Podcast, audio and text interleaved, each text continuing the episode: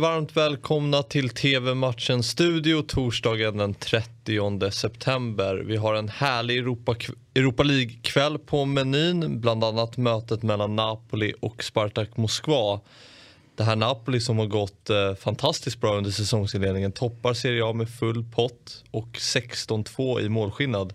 Christian, har man varit så bra som statistiken visar? Eh, ja, det tycker jag man har.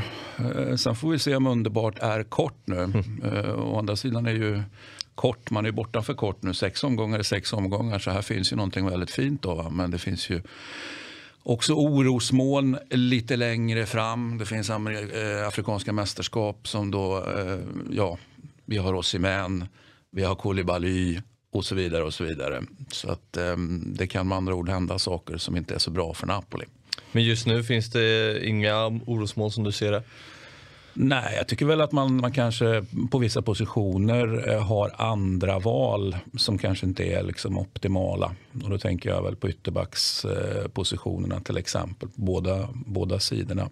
Så kan man alltid diskutera hur det ser ut där bakom oss i män om han då liksom skulle gå sönder. Låt oss hoppas att han inte gör det. Men eh, då har vi ju Petagna, Mertens. Eh, ja, de är ju inte lika bra, men är de, är de, liksom, är de tillräckligt nära i kvalitet? Eller, det är ju den, den eviga frågan då när man ska bedöma en, en, en vice eller en ersättare. Tittar vi på Europa League så kryssade Napoli den första matchen mot Leicester. Det är de två lagen som inför turneringen var förhandsfavoriter att ta hem hela turneringen. Den matchen slutade 2-2. Tittar vi på Spartak Moskva där Jordan Larsson finns eh, så förlorade man det första mötet i Europa League mot Legia Warszawa med 1-0. Ska Napoli ses som stora favoriter här? Eh, favoriter, ja. Eh, stora kan man alltid diskutera. Ja, favoriter tycker jag man är. Däremot så har vi historiens vingslag här också. Det finns ju klassiskt möte just mellan de här två lagen när, när Napoli var som bäst en gång i tiden med, med Maradona. Och eh, just den övningen slutar ju faktiskt med respass för Napoli. Då. Oavgjort båda matcherna och sen torskar man på, på, på straffar. Så att Ja, Vilket år var det här? I historien, 1990. 1990. Så att, eh, I historien har ju Spartak i alla fall kunnat hantera Napoli. Så de kanske är lite morska mm. eh, och, och ta med sig den. Kanske man visar ett klipp från den matchen som Det kan du göra på att de kommer att göra. 18.45 alltså. Eh, ni ser matchen på Viasat Extra. Nu till en annan match och en väldigt fin match tycker jag personligen. Den mellan Marseille och Galatasaray 21.00 på TV6. Det här är ju, ja, det här är två, två stora, stora klubbar som ställs mot varandra. Mm.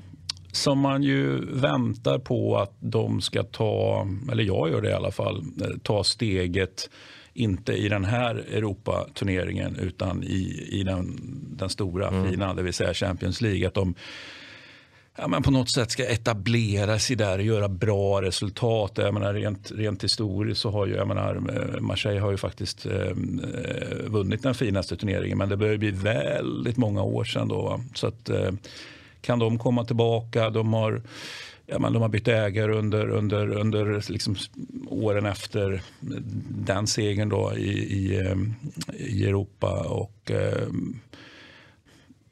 på något sätt lovar mycket, satsar om man satsar mycket eller lite kan man alltid diskutera men, men det, det blir ingen riktig flyt i projektet. Så. Om det beror på ägare, om det beror på klubbledning, om det beror på, på, på sportcheferi, om det beror på mm. på tränare, eller det beror på spelare. Eller om det är så enkelt att hela den här piazzan som är Marseille är en väldigt mäckig piazza att få. För det är ju så, väldigt, väldigt många olika så säga, intressenter ska ju dra åt samma håll om saker och ting ska fungera. Eh, och det är svårt att få alla att dra åt samma håll i Marseille. Det är min bild. Mm. Och det känns lite som att det är liknande i Galatasaray som inte har vunnit ligan på några år nu. Ligger för närvarande på en tio plats, tionde plats mm. i Super League. Vilket ju är katastrof bara. Mm. Men det är två lag som har vunnit eh, Europa League eller gamla Uefa-cupen. Kan du gissa vilka mm. år det var? Det är under 2000-talet. Ja, det, om vi säger så här, eh, det, jag har ju förträngt den då eftersom Galatasaray vinner ju i finalen mot, mot eh, det Arsenal som mm. jag håller på. Och, eh, jag var, jag, jag var liksom genuint ointresserad av, av det för att eh, jag menar, Arsenal hade ju börjat den säsongen i Champions League och sen någon slags tröstprisspelare. Och I alla fall så jag ser på det. Jag känner, ja, men vad fan, jag, mitt lag har ju redan åkt ur. så, så jag menar, ja, visst, om vi vinner tröstpristävlingen, det må vara hänt. Men jag kan inte säga att jag brydde mig speciellt mycket faktiskt. Jag var mest sur över att vi, vi, vi behövde spela där. Året, årtalet då? Nej, jag kommer inte ihåg. 2000 och Marseille? När de vann uh, Uefa-cupen senast? Uh, Uefa-cupen? Ja, men det var uh, gamla Europa League då.